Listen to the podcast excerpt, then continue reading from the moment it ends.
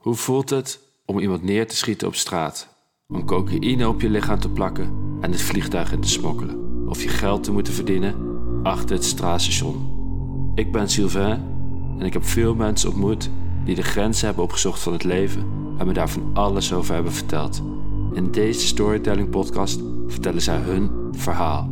Grensoverschrijdende avonturen die normaal niet openlijk worden gedeeld. De vertellers nemen geen blad voor de mond, laten je in hun huid kruipen en het avontuur volledig vanuit hun perspectief meemaken. Ongepolijst en ongecensureerd, maar boven alles menselijk. Dit is de rauwe waarheid.